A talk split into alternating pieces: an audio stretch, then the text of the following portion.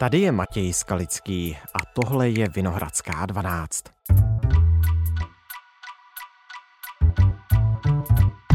Pašeráci lidí. Kdo jsou?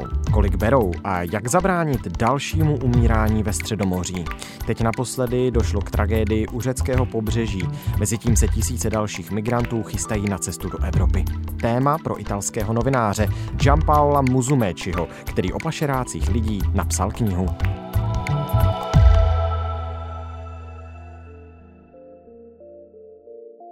Dnes je čtvrtek 29. června. Hi, Giampolo. Thank you very much for joining us in this podcast. It's a pleasure. So there is an ongoing investigation of what... Právě probíhá vyšetřování toho, co přesně se vlastně stalo letos 14. června, když se nedaleko řeckého pobřeží potopila rybářská loď s přibližně 750 migranty na palubě. Mnoho z nich té noci zemřelo, stovky lidí se dodnes pohřešují. Na tenhle příběh můžeme nahlédnout mnoha způsoby, ale pojďme se v dnešním rozhovoru zaměřit na to, jak se lidé obvykle na takové lodi směrem do Evropy ocitnou. Můžete mi říct, kde tohle všechno vlastně začíná?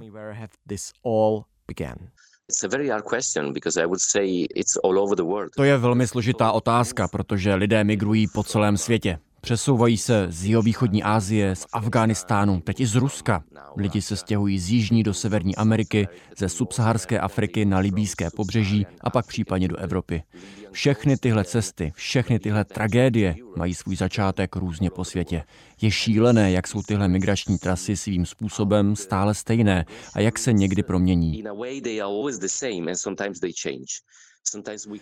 Občas vidíme obrovskou uprchlickou vlnu z Afghánistánu. Spoustu lidí. A pak se to na několik měsíců zastaví a začne zas na novo. Všechny tyhle cesty začínají z mnoha důvodů v mnoha a mnoha regionech po celém světě, protože je tady jedna věc, kterou musíme zdůraznit a brát ji v potaz. Lidé se přemístují a budou to dělat i dál. Hmm. How. Jak obtížné je najít nějakého převaděče? Kdo je takový člověk? Kdo jsou pašeráci lidí? To find a smuggler is very easy. If you go Uh, Najít převaděče je velmi jednoduché. Pokud se pohybujete v určité oblasti, jako je Afghánistán nebo některé africké státy a chcete se dostat pryč, pravděpodobně už nějakého převaděče znáte. Oni se vám nepředstaví ve smyslu ahoj, já jsem zlý pašerák a kriminálník. Jsou to přátelé. Můžou vám zařídit cestu pryč a je dost možné, že už pomohli někomu z vašich přátel nebo příbuzných, třeba bratranci nebo příteli. Je to prostě velmi, velmi jednoduché. Pokud se tedy nacházíte někde v daleké části Afghánistánu, najdete pašeráka skutečně snadno. Lidi si o nich povídají, pašeráci totiž dbají na svou reputaci. Chtějí, aby o nich i o jejich práci lidi věděli a jenom čekají na nové klienty. Ke druhé části vaší otázky, kdo je typický pašerák? No, to je celkem těžko říct, protože nejde jen o jednoho převaděče. Mluvíme o celé zločinecké síti. Jednoduše existuje spousta druhů těchto kriminálníků. První kontakt je pravděpodobně nějaký váš krajan, možná přímo ze stejné vesnice. Takže když jste ku příkladu z Herátu v Afghánistánu, nejdřív se setkáte s Afgánci. První článek celého převaděčského řetězce bude někdo vám velmi blízký. Určitě stejného etnika a původu, protože potřebujete mluvit s někým, komu důvěřujete. Takže mluvíte stejným jazykem a pravděpodobně vyznáváte stejnou víru, například šítskou nebo sunickou. Když jste muslim, najdete muslimského převaděče. Pokud jste křesťan, pak si najdete křesťanského. Prvním krokem tedy je, že vložíte svůj život do rukou někomu, komu můžete věřit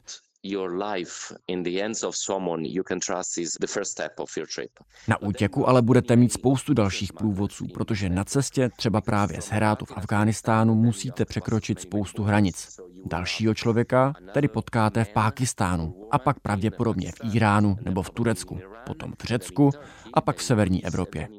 Všichni tihle lidé jsou spolu v kontaktu a koordinují snahu dostat vás kam chcete, do vaší cílové destinace. A pak tu máme další lidi. Říkejme jim velcí šéfové. Bosem pašerácké sítě je pravděpodobně člověk, který už má jiný svůj biznis. Třeba bazar, cestovní agenturu. Může to být rybář se spoustou rybářských lodí z tureckého, libýského nebo tuniského pobřeží. To nejdůležitější, co musí převaděč mít, je řádné oficiální zaměstnání ve správnou dobu a na správném místě. Když máte obrovskou flotilu rybářských lodí v Turecku, jste ve výborné pozici k tomu, abyste se stal pašerákem, protože znáte trasy, máte prostředky, znáte moře. Je to pro vás jako stvořené. You you know the sea, so it's it's perfect for you. So you both involve... Takže pak děláte obojí. Rybaříte a obchodujete s lidmi. Yes, exactly. Both děláte tedy legální a nelegální aktivitu najednou. Exactly. Because the official activity, the legal activity... Jo, je to tak, protože ta oficiální legální aktivita je dobrý způsob, jak vyprat peníze. Jednoduše je vložíte do své legální práce. Velmi čisté a transparentní. Potkal jsem mnoho, mnoho pašeráků a řekněme, že dělali vlastně dvě práce na jednou. The double job, let's say. Mm. How the people, jak lidi, kteří se chtějí dostat do Evropy, vyjednávají o ceně? Protože z toho, co víme, většina z nich utratí všechny peníze, které mají. The money they have on the trip to Europe. Yeah. Well, I wouldn't say that the rates uh, the price is fixed, but sometimes you have a, a minimum amount of money you have to spend. Neřekl bych, že ta cena je pevně daná, ale někdy máte minimální částku, kterou musíte zaplatit. Jinak je něco špatně. Nejspíš vám řeknou něco, co není pravda. Tím myslím, že když vám řeknou, dobře, přesun z Kábulu do Paříže vyjde na 2000 eur, tak to je prostě něco, co není možné. Vychází to totiž plus minus na 10 tisíc eur. Je to záležitost trhu a jde i o bezpečnost té cesty. Čím víc zaplatíte, tím bude vaše cesta bezpečnější. Pokud to přeženu, představte si někoho, kdo má hodně peněz, třeba afgánského důstojníka ve výslužbě, který si našetřil nějaké peníze a chce odejít do Londýna. Dobře, pravděpodobně zaplatí hodně peněz Talibánu, aby získal pas, ale potom možná skrze nějakou ambasádu zkusí získat výzum, běžné výzum a odjede do Islamabádu, kde nasedne na letadlo. Takže čím víc máte peněz, tím víc můžete cestovat a najít řešení. V opačném případě se Evropě nebo Severní Americe přibližujete krůček po krůčku. Proto se někdy imigranti na své cestě na několik měsíců zastaví a najdou si na černo práci, například v Iránu, Tunisku nebo v Libii. Tady si vydělají nějaké peníze, které jim zaplatí zbytek cesty. A když řekneme, bude to stát kolem 10 tisíc eur nebo 10 tisíc dolarů, je to jen základní cena, protože do toho není zahrnuto, že mnoho migrantů je vráceno zpátky na hranice. Takže někdy musíte zdvojnásobit cenu té cesty. Uvedu příklad. Na Balkáně jsem viděl lidi, kteří uvízli v Srbsku, když se snažili přejít hranice do Bosny a Hercegoviny. A potkal jsem lidi, kteří to zkoušeli třikrát, čtyřikrát nebo i pětkrát. A každý ten pokus stál kolem 300 eur. Takže když mluvíme o deseti tisících dolarech, musíme zároveň počítat s tím, že to může být i dvojnásobek. Záleží to na tom, jaké máte štěstí.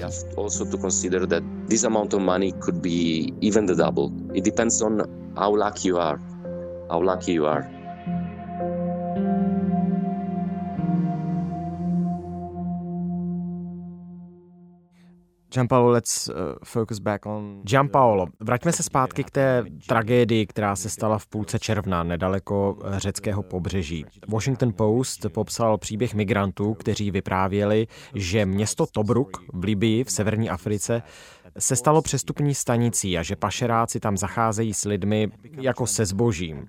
Vy jste s pašeráky strávil nějakou chvíli, dokonce jste o tom napsal knihu. Tak co se tam podle vás děje? So what does it mean exactly? Well, I have to admit that it really depends on the smugglers you speak to, the smuggler you meet. Záleží na tom, s jakým pašerákem mluvíte, na jakého narazíte, protože to, o čem mluvíte, řekněme, spadá do obecného narrativu, jak my západní novináři o této problematice mluvíme. Protože všichni pašeráci, se kterými jsem se bavil, řekli, že na prvním místě mají bezpečí svých zákazníků. Protože kdyby prý s nimi zacházeli jako se zbožím nebo s otroky, pak by s nimi nikdo nechtěl cestovat. Takže ano, někdy se to stává stává. Často se to stává hlavně v Libii, někdy také v severním Tunisku nebo v Turecku. Ale není to obecné pravidlo, kterým by se pašeráci řídili. Protože když se vrátíme na úplný začátek našeho rozhovoru, když jste v nějaké zapadlé vesnici v afgánské provincii Hrát a zeptáte se svých přátel, kdo je jejich pašerák, kdo je jejich agent, tak hned druhá otázka bude, jak se jmenuje. A jak s vámi zachází, jestli je násilný nebo požaduje příliš peněz. Reputace je pro pašeráckou síť velice důležitá.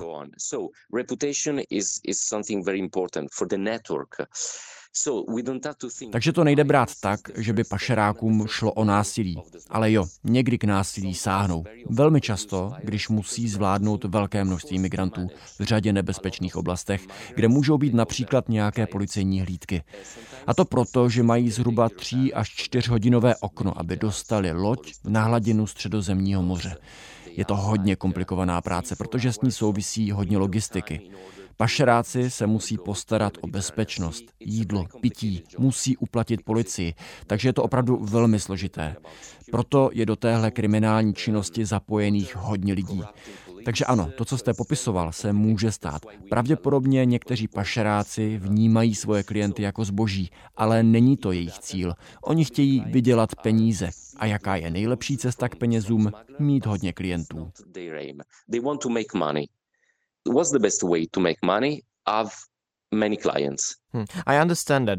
No já tomu rozumím, ale jak tedy vysvětlíte ty přeplněné paluby lodí? Jasně, je to cesta k penězům, ale podmínky pro ty lidi přece nejsou dobré. A stejně tak to není dobře pro pověst pašeráků, no ne? Yeah, uh, probably something went wrong. Ano, tam zřejmě došlo k nějakému selhání. Asi doufali, že to dopadne jinak, že narazí na malckou, řeckou nebo italskou pobřežní stráž. To, co se stalo u řeckého pobřeží, je obrovské neštěstí. Nic, co by chtěli. Pravděpodobně si to špatně spočítali, to riziko, na jedné straně obrovské množství peněz, které vydělají jen s jednou lodí, oproti tomu, že může být zničena jejich pověst. Ale znovu říkám, vy jste zmiňoval tu Liby, tam je opravdu chaos. Nejsem si jistý, že si všichni migranti mohli vybrat, s kým chtějí tu cestu podniknout. Slyšel jsem hodně příběhů o tom, že někdy jsou prostě přinucení nastoupit na loď. Někteří mi říkali, že hned jak malou loďku uviděli, pašeráci je donutili do ní vlézt. Když odmítli, pašeráci na ně stříleli. Takže někdy se prostě dostanou do slepé uličky a nemůžou z ní ven. Už není cesty zpět.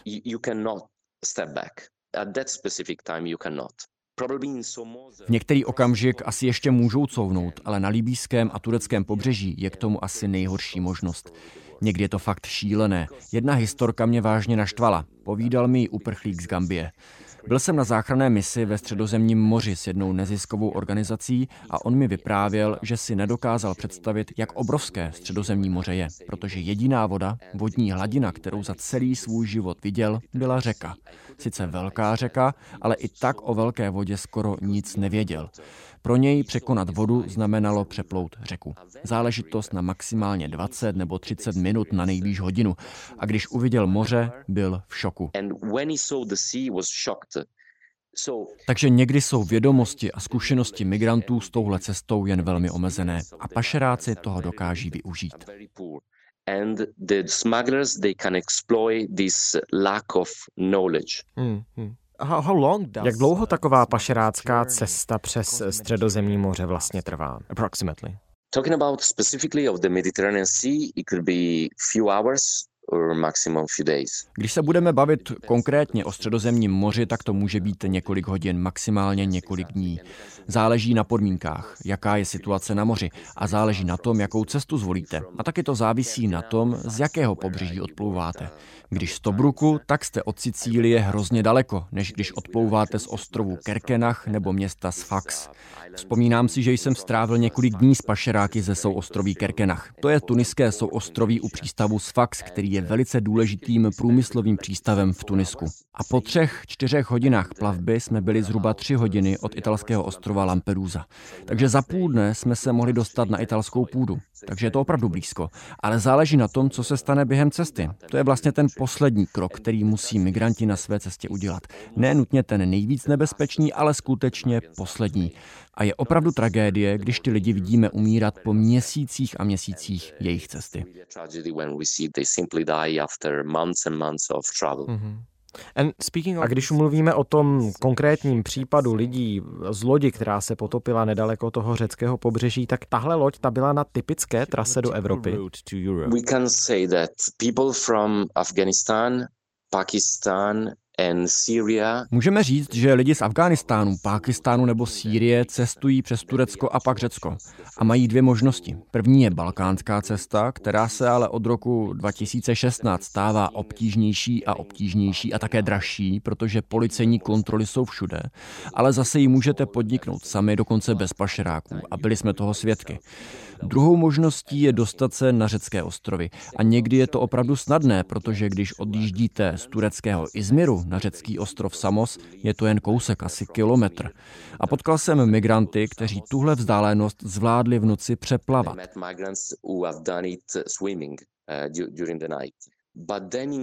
Ale potom máte v Řecku jiný problém. Uvíznete tam na měsíce, možná i rok. Byl jsem v kontaktu s lidmi z Nepálu a ti se zasekli v Aténách na tři roky. Bez dokumentů, bez peněz, bez možnosti se vrátit nebo jít dál. Takže tyhle trasy se týkají lidí z Ázie a východní části Blízkého východu. Pokud cestujete ze subsaharské Afriky, máte obvykle na výběr dvě cesty. Jedna je skrz Libii a druhá přes Maroko. Přes Maroko pak jdete do Španělska a z Tuniska a Libie obvykle míříte do Itálie. Takže to jsou tři hlavní cesty přes Středozemní moře. If you take a ship, když si zvolíte cestu lodí, je tam s vámi nějaký zkušený námořník, nebo je to jen na vás řídit a navigovat tu loď? Musí tu loď do Evropy navigovat sami migranti, nebo jsou s nimi na palubě i pašeráci? Are the smugglers with them on the boat? Well, it depends. You can have both the possibilities. Jak kdy, to záleží. Možné jsou obě varianty. Někdy tu loď řídí uprchlíci, protože měli celou tu cestu levnější, někdy jsou to pašeráci. Ale i když jsou to pašeráci, nejsou to žádní velcí šéfové celé té zločinecké organizace. Jsou to jen nějací chudí kluci, kteří umí řídit loď ale hodně často vidíme migranty, kteří se toho ujmou právě proto, že pak dostanou slevu na celou tu cestu. Dají jim kompas, souřadnice a mapu a zeptají se, umíš nastartovat motor? Jo? No tak dobře, tak je to na tobě. Drž se kormidla a pluj na sever.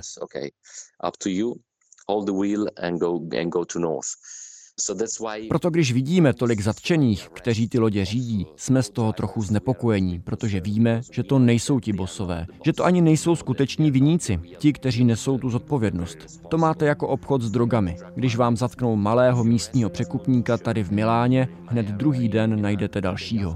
Tím nevymítíte ten fenomén, jen zatknete nějaké chudáky. The phenomenon.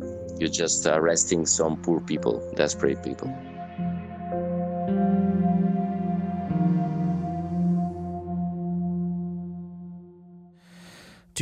Máme nějaký odhad, kolik migrantů se v uplynulých letech pokusilo dostat do Evropy? Mluvíme o statisících lidech. Ano, jsou to tisíce lidí. Je tady hodně faktorů, které ty uprchlické vlny ovlivňují. Někdy jsou to ekonomické nebo sociální krize. Někdy je to jen dobrým počasím, protože abyste překonali středozemní moře, tak potřebujete hezké počasí. Takže obecně na jaře a v létě je pokusů dostat se do Evropy spoustu, protože je hodně příležitostí se nalodit a vyplout. Okay, one Dobře, ještě jedna poslední věc. Připomeňme, že stovky lidí z toho posledního případu stroskotání lodě u řeckého pobřeží jsou stále pohřešované. Mnoho z nich zemřelo. Přidejme k tomu teď údaje Úřadu Vysokého komisaře OSN pro uprchlíky, podle kterých jen za minulý rok v oblasti Středozemního moře zmizelo nebo zemřelo přes tři tisíce lidí. Co by se z vaší perspektivy, z pohledu novináře, který to téma pokrývá, dalo dělat, aby lidé na moři už dál neumírali? I think we have not just one solution, we have a combination of factors. We should Myslím, že neexistuje jediné řešení. V Evropě bychom měli zavést kombinaci několika prostředků. Prvním jsou humanitární koridory. Je neuvěřitelné, že někdo, kdo by určitě dostal azyl nebo jinou mezinárodní ochranu, je nucen platit někomu za to, že přepluje moře, překročí státní hranice. To fakt neodpovídá žádným evropským hodnotám. Takže tedy humanitární koridory, to za prvé. Za druhé, a tímhle si nejsem jistý, protože na to nemám důkazy, by pomohlo vydávat něco jako poznávací výzum. Pokud chceš dostat šanci v Evropě, tak dobře, budeš mít půl roku, kdy smíš cestovat kdekoliv po Evropě, máš samozřejmě k dispozici minimum finančních prostředků, můžeš tedy cestovat a snažit se najít práci. Když ji nenajdeš, budeš se muset vrátit zpátky. Za třetí je to větší mezinárodní spolupráce v oblasti jurisdikce. A to s jasným cílem dostat šéfy obchodu s lidmi. Například pro italského státního zástupce je totiž velmi těžké vystavit žádost pro pákistánského státního zástupce. Znamená to, že můžete chytit jen malé ryby a nikdy nedostanete tu velkou. Je taky potřeba sladit evropskou legislativu týkající se migrace. Pokud jsou v Evropě země s různými migračními zákony, je to slabé místo, kterého mohou pašeráci využít. Tak například v Itálii máme krátkodobá pracovní povolení pro migranty, která jsou založená na časovém období a zemi původu. Vím o pašerácích, kteří toho využili a převáděli Pákistánce, kteří předstírali, že jsou Afgánci. A pak by taky nebylo od věci zaměřit se na sociální sítě. Já spolupracuji s kriminology z univerzity v Trentu a zjistili jsme, že na Facebooku nebo Instagramu je možné najít od pašeráků různé inzeráty.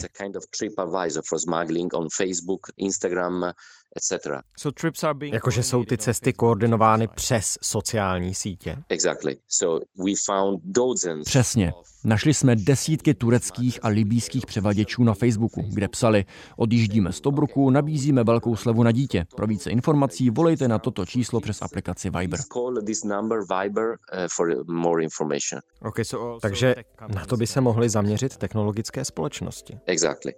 Because uh, if you manage to get inside this parallel network. Jo, protože když se vám povede proniknout do nějaké takové skupiny na sociálních sítích, můžete získat spoustu informací o tomhle kriminálním prostředí. A poslední věc. Policejní složky by měly sdílet co nejvíc informací napříč Evropou, aby už dál nemohli fungovat převaděči, kteří třeba už 15 let posílají lidi na smrt. To nesmíme dovolit.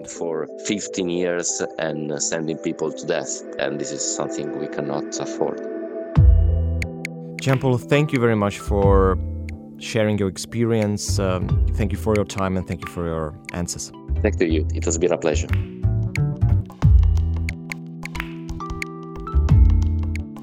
Tohle už je všechno z Vinohradské 12, z pravodajského podcastu Českého rozhlasu. Dnes o pašerácích lidí s italským novinářem Gianpaolem Muzuméčim. Další epizody Vinohradské 12 najdete u nás na webu adresa zní www.irozhlas.cz a jsme samozřejmě také v jakékoliv podcastové aplikaci. Naslyšenou zítra.